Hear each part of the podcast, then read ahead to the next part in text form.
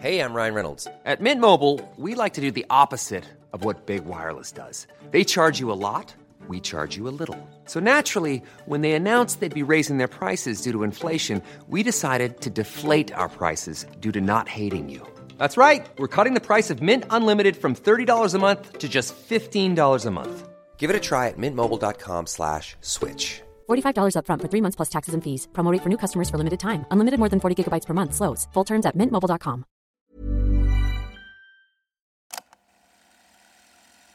Du lyssnar på en produktion av Novel Studios.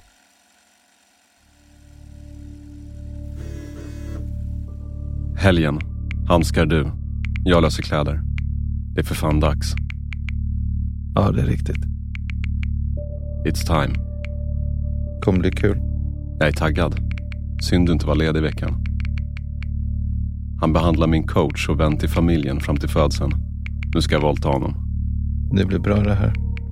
Har spanskt konto för överföring, worst case. Han betalar för det han har gjort.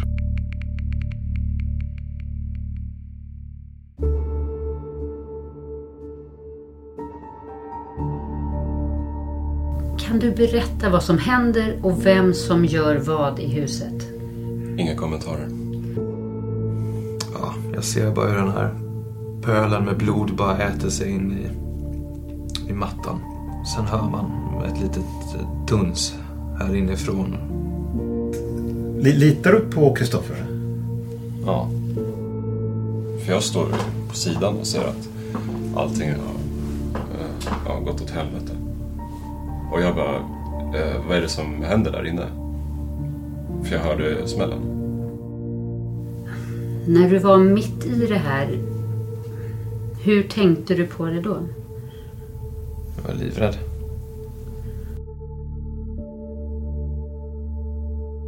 Det här är Förhörsrummet. En podcastserie som återskapar polisförhör från autentiska fall. Förhören är hämtade från förundersökningen och gestaltade av skådespelare. I den här serien, som består av fem delar, hör vi polisförhör från fallet Dubbelmordet i Vallentuna. Vi hör också åklagaren Kristoffer Kåkström. Av hänsyn till närstående och övriga inblandade är vissa namn ändrade och särskilda partier utelämnade. Du lyssnar på den första delen.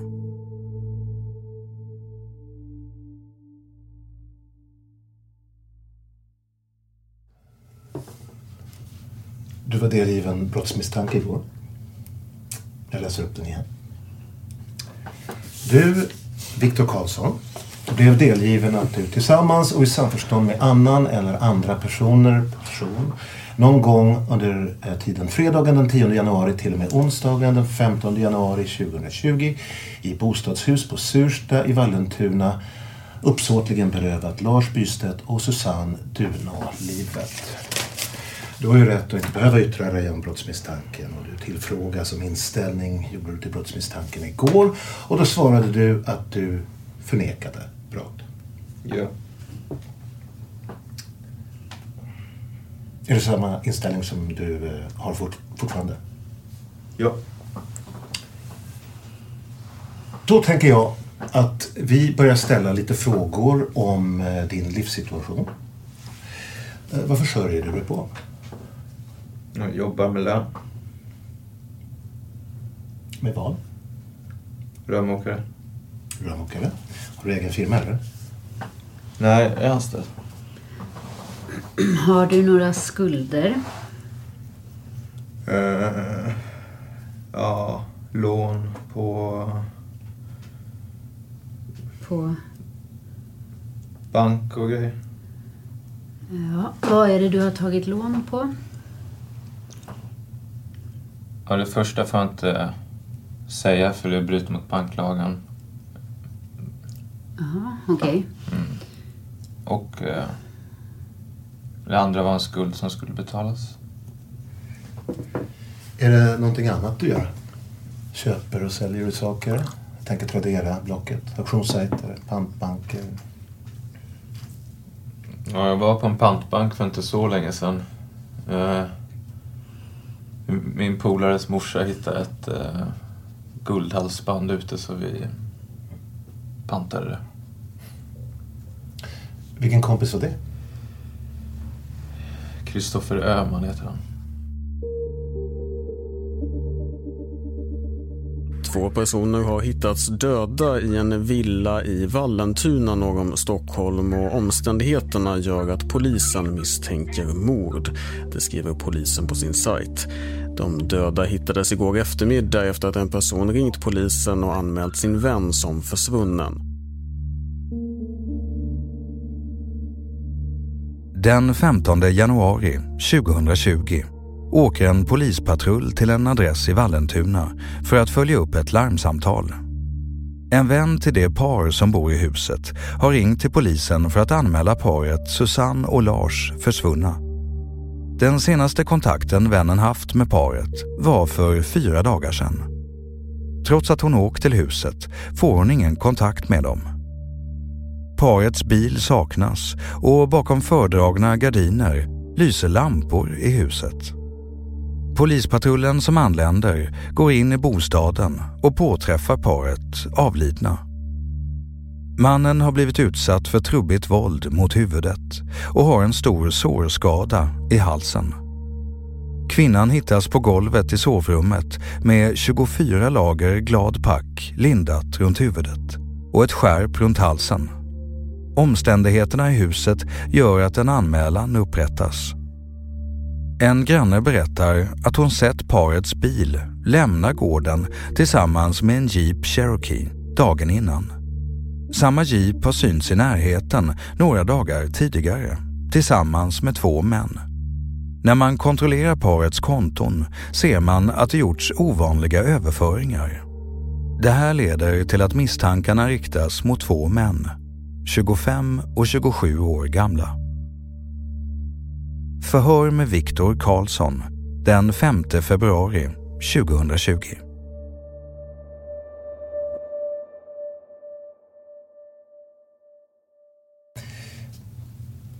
Berätta om din relation till Kristoffer Öhman. Eh, våra föräldrar jobbar ihop. Eh, uppväxta i Vallentuna båda två. Började umgås flitigt för kanske fem år sedan kanske. Då tänkte jag fråga, har du varit i Sursta i Vallentuna eller området kring det där, det här Sursta? Ja. 10-15 januari? Nej, inte de datumen, men eh, tidigare har jag varit där. Berätta.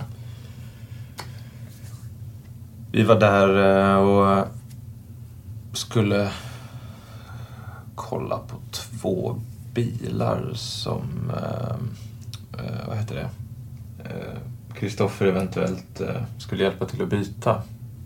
Han har ju bilfirma så vi var där och skulle provköra eh, två bilar för att kolla om det var någonting att byta in. Eh, så vi kom dit, morsa provkörde och sen tog vi en eh, kopp kaffe och sen åkte vi hem. Sen om det vart någonting vet jag inte men jag antar inte det. Berätta hur den här kontakten sker med den här bilen. Hur ni kommer dit och, och så mycket detaljer som möjligt. Nej, han frågade om jag kunde åka och hjälpa till med att flytta, vad heter det, provköra bil. Eh, och om det skulle bli affär på plats, köra bort bil, eh, eller alltså hjälpa till helt enkelt. Eh, så jag åkte dit, kollade på två av tre bilar. Eh, en vit och en, eh, vad var den, röd. Ja, det är skitsamma. Två små i alla fall och vet inte vad märkena är. Eh, sen snackade vi med gubben i huset och så stod och surrade. Du säger vi? Ja, för fan. Du och Kristoffer Öhman? Mm. Hur kommer ni dit? Men vi åker Audi. Vem kör? Jag. Vet du vart du ska? Han pekar. Så det är Kristoffer som har bestämt den här träffen, eller är det du? Uh, nej, det är han. Det var... Vad heter det? De hade... Ja, jag antar att de hade pratat med varandra tidigare eftersom att det... Eh, när vi kom dit så visste han vad vi gjorde där. Vem är det som heter det? Han... Eh, gubben kommer ut. Vet du vem det är? Lars. Hette han. Lars, vet du efternamn? Nej. Är det Lars Bystedt ni träffar? Ja, jag antar det eftersom... Jag kan visa en bild och då kommer även en bild på Susanne. Ja, exakt. Um, är det han ni träffar? Mm. Är Susanne där? Nej. Det här är de två personerna som har ja, blivit förstått. mördade i Sursta. Mm.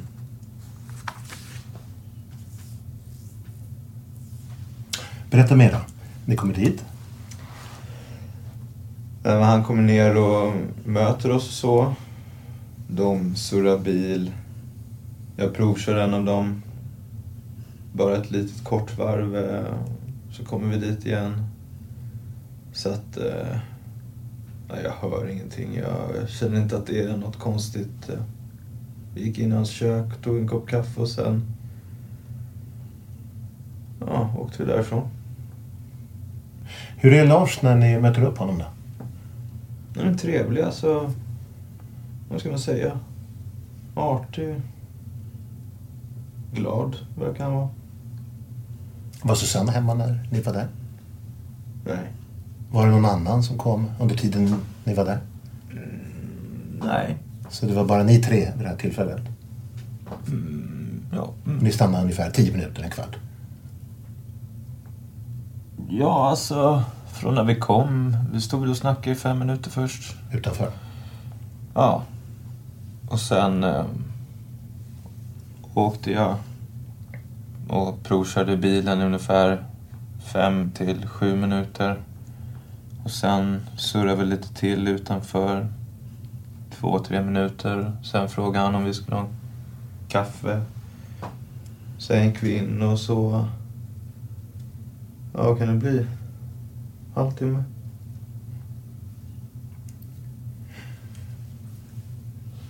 Har du träffat Lars efter det här? Nej.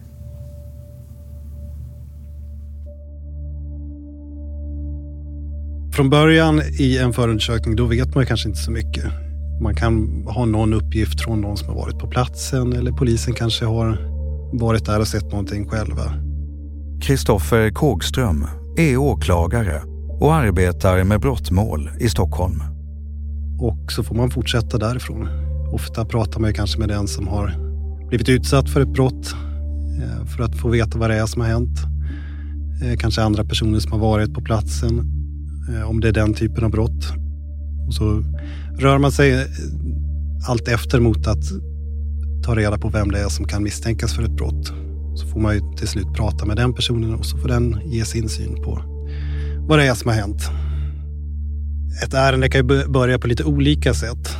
Eh, och den stora skiljelinjen kan man säga är om det är någon som är frihetsberövad eller inte. I ett ärende där ingen är frihetsberövad, då börjar ju ärendena i princip alltid hos polisen som ibland vänder sig till oss direkt och ibland kanske har en, gör en del utredningar på egen hand innan de kopplar in oss. Eh, men när det är frihetsberövande ärenden då kommer vi in i ett väldigt tidigt skede. Då kan det vara så att polisen ringer mer eller mindre från platsen där man har gripit någon för att vi ska pröva om den personen ska vara frihetsberövad. Och om det är något annat, form, något annat beslut om tvångsmedel som eh, vi som åklagare behöver fatta beslut om. Under utredningens gång är det flera faktorer som leder misstankarna mot Viktor och hans vän Kristoffer. Tidigt på morgonen den 11 januari görs stora överföringar till Kristoffers konton.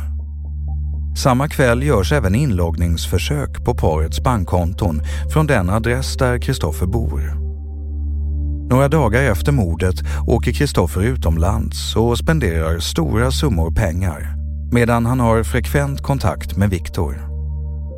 I ärendet har man även haft telefonavlyssning på Kristoffer och det ska visa sig att en stor mängd samtal och sms med anmärkningsvärt innehåll skickas mellan de två vännerna.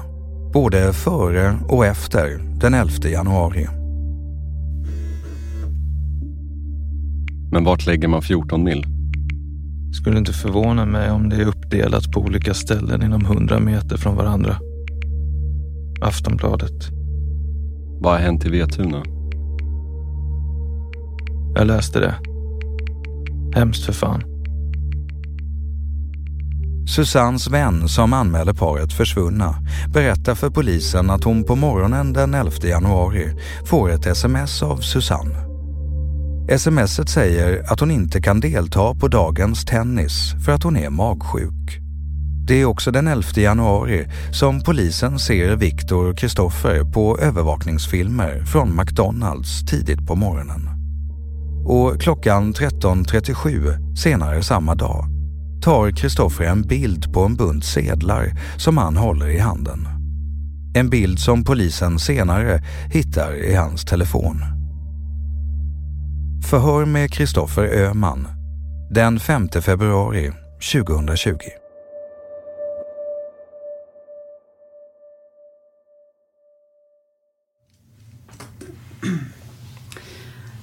Under gårdagen informerades du om rätten att inte yttra sig i förhör. Men vid frågan om inställning till brottsmisstanken förnekade du brott.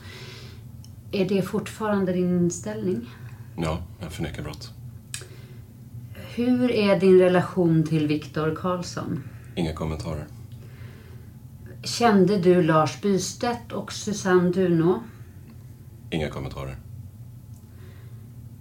Hur och när fick du reda på att det eh, skett ett mord i Vallentuna? Har inga kommentarer. B- eh, Brottsmisstanken är mellan den 10 och 15. Men lördagen den 11 januari, vad gjorde du den dagen? Inga kommentarer. Vi kan se i vår analys att du är uppe väldigt tidigt denna morgon. Vad skulle du göra? Inga kommentarer. Eh, Vid 06.10 observerades du på en övervakningsfilm. Inga kommentarer. Sen finns en observation av er, dig och Viktor runt eh, 10 på en övervakningsfilm. Vad gjorde ni mellan 06.10 och 10.11 denna lördag den 11 januari? Inga kommentarer. Du har din fulla rätt, som vi har informerat dig om, att säga inga kommentarer. Men om du samtidigt säger att du inte är skyldig till det här. Du förnekar brott, eller hur? Ja. Mm. Det skulle absolut vara dig till nytta om vi fick möjlighet att kontrollera det. Då kanske brottsmisstanken faller och du inte längre är misstänkt. Och då behöver du hjälpa till på den punkten och säga vad du gjorde mellan dessa timmar. Eller att du kanske kan be om hjälp så du kan få mer information så att du kan berätta de här timmarna som skulle kunna vara den tiden som Susanne och Lars är bragda om livet. Jag har inget att tillägga. Du förstår vad jag säger Jag hör vad du säger. och du förstår vad jag säger. Men du vill inte på något vis delta i att bevisa din oskuld i den frågan. Jag har inga kommentarer kring det där. Vi har också, jag tror att du är ganska väl förberedd på den här frågan. Det kan inte komma som en överraskning. Men eh, du har fått in stora summor på ditt konto. Berätta. Vad är det för pengar som du får in på ditt konto? Inga kommentarer. För först så får du in 60 000 kronor klockan 8.26 lördagen den 11 januari och det är från Lars Bystedts konto. Hur kommer det sig att det sätts in 60 000 kronor från Lars Bystedts konto till ditt konto? Inga kommentarer. Ja, sen har du fått in ytterligare pengar. 160 000 kronor på ditt konto samma dag 11 januari 08.38. De pengarna är avsändare Susanne Dunås konto. Som är kvinnan som mördades i sitt hem i Sursta i Vallentuna.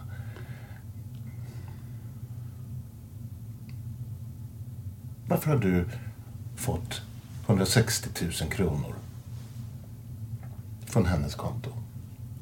Inga kommentarer. Hey, I'm Ryan Reynolds. Recently, I asked Mint Mobile's legal team if big wireless companies are allowed to raise prices due to inflation. They said yes. And then when I asked if raising prices technically violates those onerous two year contracts, they said, What the f are you talking about, you insane Hollywood ass?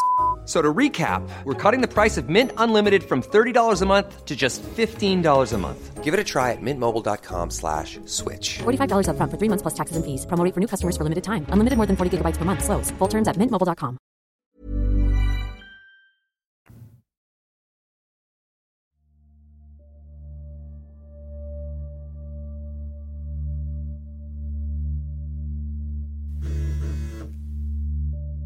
Haha, i helgen ska vi bli million. Fy fan vad han ska få. Kristoffer väljer att inte svara på förhörsledarnas frågor. Något som ska komma att fortsätta i fyra månaders tid. Men polisen har ändå fått fram bevisning som stärker misstankarna mot både honom och Viktor. Bland annat har de båda besökt en pantbank för att växla in klockor. Kristoffer, som äger en likadan Jeep Cherokee som synts till i området dagarna runt mordet, har försökt sälja jeepen. Och några dagar efter morden reser han till Spanien till en kvinna som han bett förvara en större summa pengar. I ett av samtalen som polisen avlyssnar pratar Kristoffer om att han vill tatuera in två tårar under ena ögat. Han har också gjort sökningar på tear tattoo och hittat information om att en tår tatuerad i ansiktet betyder att man dödat någon. Även Viktors förehavanden dagarna innan och efter morden är intressanta då man kan se att han gjort vissa inköp som kan ha betydelse för den fortsatta utredningen. Fortsatt förhör med Viktor Karlsson den 5 februari 2020.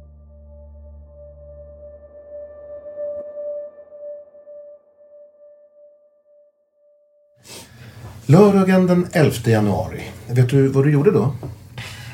Sov. Jag var hem, om jag inte minns fel, så var jag hemma och magsjuk torsdag, fredag. Så för att på onsdagen hade jag rivit ett avlopp utan ansiktsmask. Ja. Det varit lite otrevligt. Du och Kristoffer har sms-kontakt redan 05.20 lördag morgon. Ja, det händer ganska ofta. Kristoffer smsar Rise and Shine till dig vid den här tiden 05.20. Vet du vad det betyder? Upp och hoppa antar jag. Innebörden av det smset, ska du göra något speciellt den här dagen? Nej, det tror jag inte. Det har kommit flera gånger. Sen observeras ni på övervakningsfilm klockan 06.10 tillsammans, du och Kristoffer.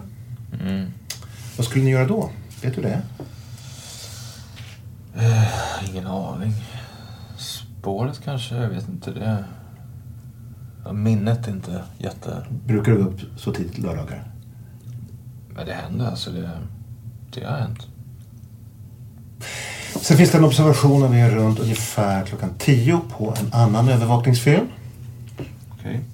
Så då undrar jag om du minns vad ni har gjort mellan 06.10 och 10.11 lördagen den 11 januari. Nej, ehm, nej, det...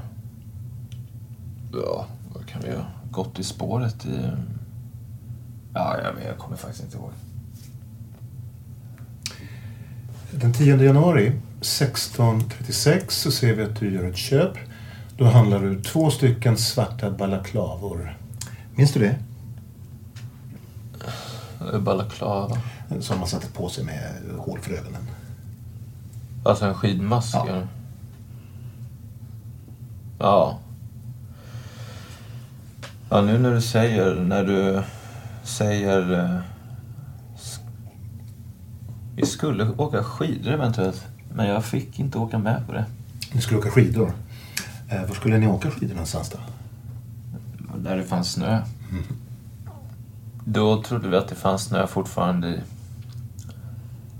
eh, Västsjöbacken, men eh, nej. Kommer du ihåg vad du betalade för dem? Brukar vara ganska snål så jag kan tänka mig att det inte var så mycket. Får Kristoffer någon balaklava? Nej, de... Hamnade de någonstans? Det vart ju aldrig av, så de hamnade nog i någon påse i min hall och sen vet jag inte var de har tagit vägen. Jag tror inte att jag... Jag, jag tror jag råkat slänga dem. Jag har haft stor röj lite för många gånger hemma och då brukar det åka det ena och det andra. Okej. Så om vi tittar i din bostad eh, nu kommer vi inte hitta dem? Nej, borde det inte göra. För jag har inte hittat dem. Har du letat efter dem? Ja. Vi ser också att du har satt in pengar på ditt konto i Täby centrum den 12 januari. Satt in kontanter. Kan du berätta vad det är för pengar?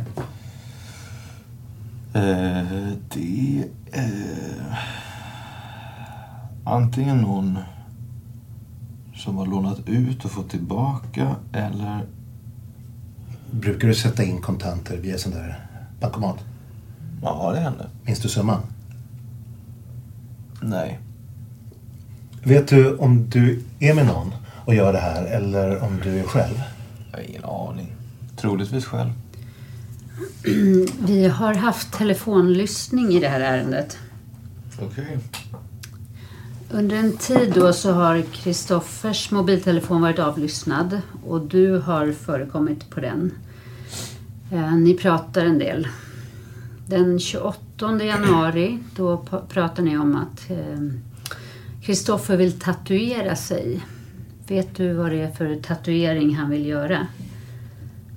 Han har sin ex-namn och initialer på flera bitar av kroppen så just då var det hennes namn. Eh, Här hade han den, alltså var precis ovanför kalsonglinjen eh, har han hennes namn.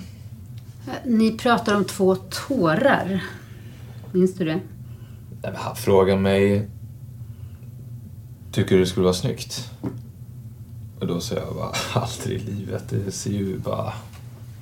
Han är ju ganska tatuerad som det är så han bara... Det ser ju... Alltså det ser ju ut som att eh, jag bara är tatuerad. Jo, jo. Alltså men... Eh, Finns det någon anledning till att du avrådde Kristoffer från att göra den här tatueringen? Nej, men jag tycker det ser för jävligt ut. Han har ju en grej på ögonlocket redan och så eh, har han ett litet kors här som är som ser ut som en um, stjärna men nej, jag tycker bara det ser, det ser ut som att han är hiphoppare eller ja, jag vet inte vad det ser ut som. Vet du vad den här tatueringen betyder? Att man tatuerar en tår eller två tårar? Ja, att man är... eh, nej, jag har ingen aning.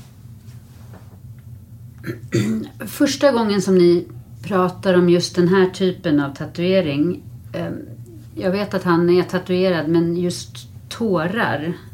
Det är första gången. Vi, eh, vi har pratat. Skämtat eh, mycket om att tatuera sig i ansiktet. Alltså att... Men det är första gången vi pratar om alltså en tår. Ifall om han har hittat någon bild någonstans. Alltså på typ Instagram eller något. det där skulle vara coolt på mig. Men så, nej, nej, nej, nej, nej. Det är inte coolt på någon. Nej. Nej, det ser i, Jag vet inte vad ni tycker, men jag, jag tycker inte det är så speciellt snyggt. Ja. Eh, mellan den 10 och 15 januari, Viktor, eh, har du varit i den här bostaden där Lars och Susanne bor?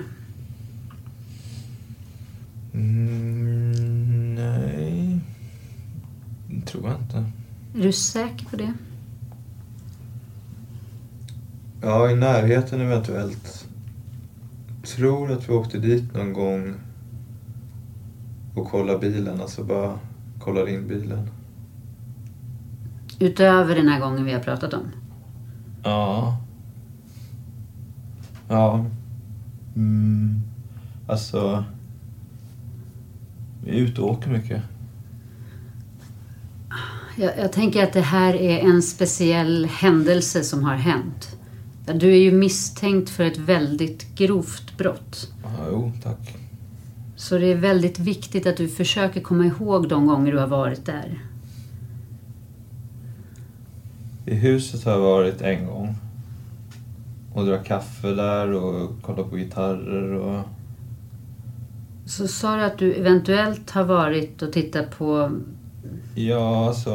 äh, Att jag varit inne på vägen, men det är alltså... Jag är ju ganska trött av mig, så brukar jag sitta och halvsova i bilen. Menar du då att du har kört då, eller att Kristoffer har kört? Ja, halvsover jag hoppas jag inte hade kört. Det är viktigt att du försöker minnas och tänka till. Om du har varit där fler gånger förutom den här gången. Det är inget, alltså, det är inget jag minns på rak arm, så det... Jag ska inte sitta och spekulera heller. Det blir, känns bara så... Nej, Nej, men det känns bara som att det blir bökigare då. nej det ska du inte göra. Ehm, vet du om Kristoffer har någon relation till Lars och Susanne eller om, om han känner dem? Han har varit där när han var pytteliten, tror jag. För att hans morsa kände dem. Och eh, sen... De hyrde ut, vet jag. En kåk förut till, eh, till hans gamla tränare. Det är väl den relationen de har. Okej, va- vet du vad den här tränaren heter? Ja, vi kallar honom för Sursta bara. Sursta. Ja, Jag vet inte riktigt vad han heter. Han har flyttat därifrån nu något år sedan kanske.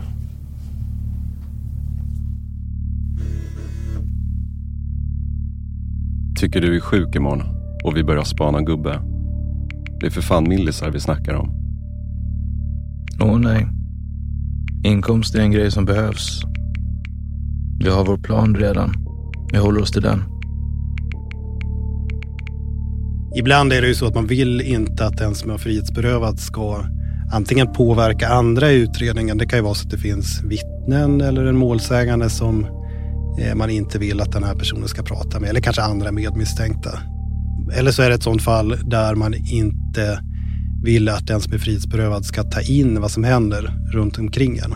Och då finns det möjlighet för åklagare att meddela det som kallas restriktioner i olika former. Eh, och det kan vara att man då inte får umgås med andra som är frihetsberövade till exempel. Alltså att du får inte träffa de andra som är på ett häkte. Men det kan också vara att man inte får ta del av tv, tidningar, radio. Eh, man kanske inte får ta emot besök av nära och kära. Och man kanske inte får skicka eller ta emot post riktigt hur man vill. Restriktionerna följer ju typiskt sett brottsrubriceringen får man säga. Eh, är det fråga om ett väldigt allvarligt brott så kommer man i regel att ha väldigt ingående restriktioner. Eh, och då kan det vara fråga om att man inte får ta del av vad som händer i omvärlden. Jag skulle säga att den, just den typen av restriktioner används ju nästan uteslutande vid väldigt allvarliga brott. Annars är det mest frågan om att man inte ska få prata med andra som är inblandade i just det ärendet.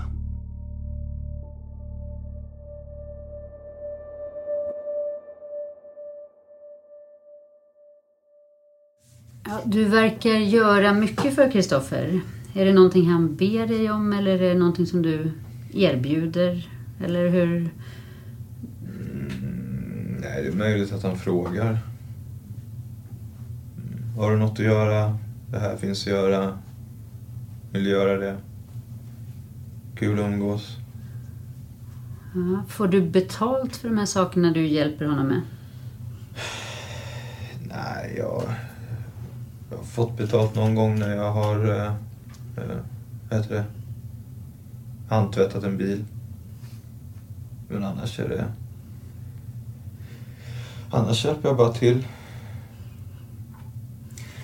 Så pratade vi om den elfte där. När det kommer smset och att ni var uppe tidigt och att ni fångas på två olika övervakningsfilmer den här morgonen. Då säger du spontant att ni eventuellt ska till spåret. Är det här någonting ni brukar göra? Gå i spåret? Ja, vi brukade göra det förut. Nu har det blivit mer soffläge. Men vi försöker så ofta vi kan. Ja. Vilket spår är ni då? Det... Vi har gått i Ursvik ett par gånger. Har gått i Vallentuna flera gånger. Minns du den här dagen som vi pratar om? Att du får det här smset den här tiden och att ni ses så här tidigt? Nej, alltså inte specifika dagen. Alltså. Skulle du säga att det tillhör vanligheten eller ovanligheten att ni ses så tidigt? Det har hänt flera gånger. Han... Eh... Så det är ovanligt att ni... Nej, nej, massa gånger som inte han har kunnat sova så här.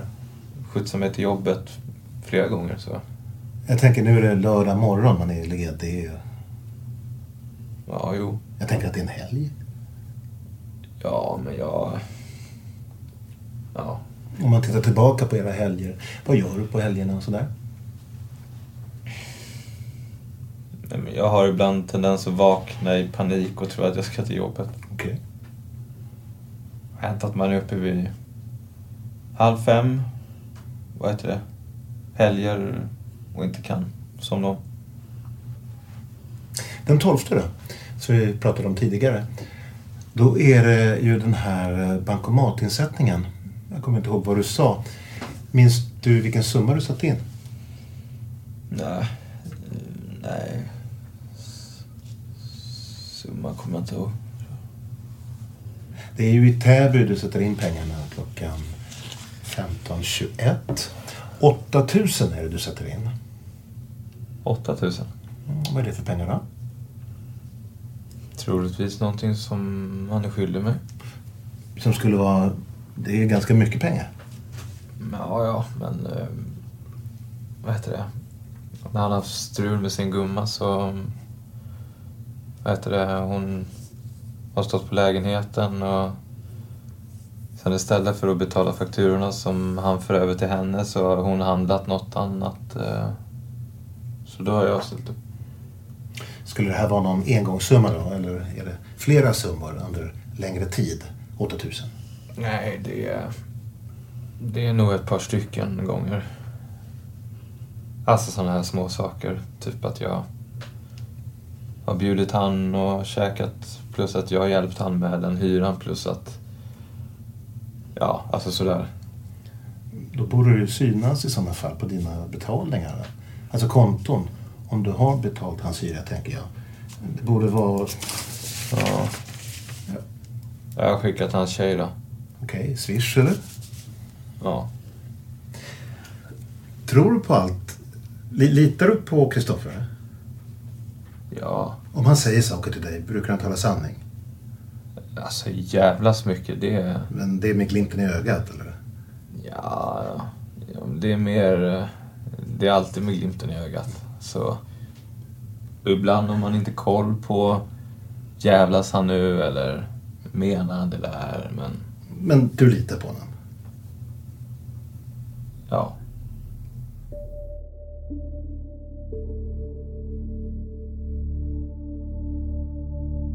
Lars Bystedt och Susanne Dunå har levt ett stillsamt liv tillsammans sedan drygt tio år tillbaka. Av vittnen beskrivs Lars som en snäll och god människa med intresse för musik och Susanne som en stor glädjespridare.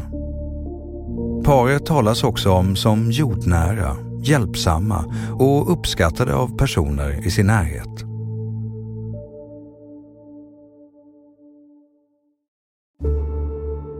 Du har lyssnat på Förhörsrummet och den första delen av fem i serien om dubbelmordet i Vallentuna. I kommande delar hör du bland annat det här. Då har det också kommit upp namn på en person som heter Theo, eller Theodor Arkas. Okej. Vet du... ehm, Vet du vem det är? Tar du med kniv? Du gillar ju sånt. Jag har inte fått min än. Ta grillkniven. Det är ju inte alldeles ovanligt att man inte får så mycket från den som är misstänkt för brott. Och är man misstänkt för brott så har man ju rätt att vara tyst. Egentligen spelar det ju ingen roll om jag får en berättelse eller inte från den som är misstänkt. Därför att min bevisning, den ska ju klara av att stå på egna ben. Det räckte med att jag inte svarade i telefon. Vad hände då om du inte svarade i telefon? Då började hoten flyga in.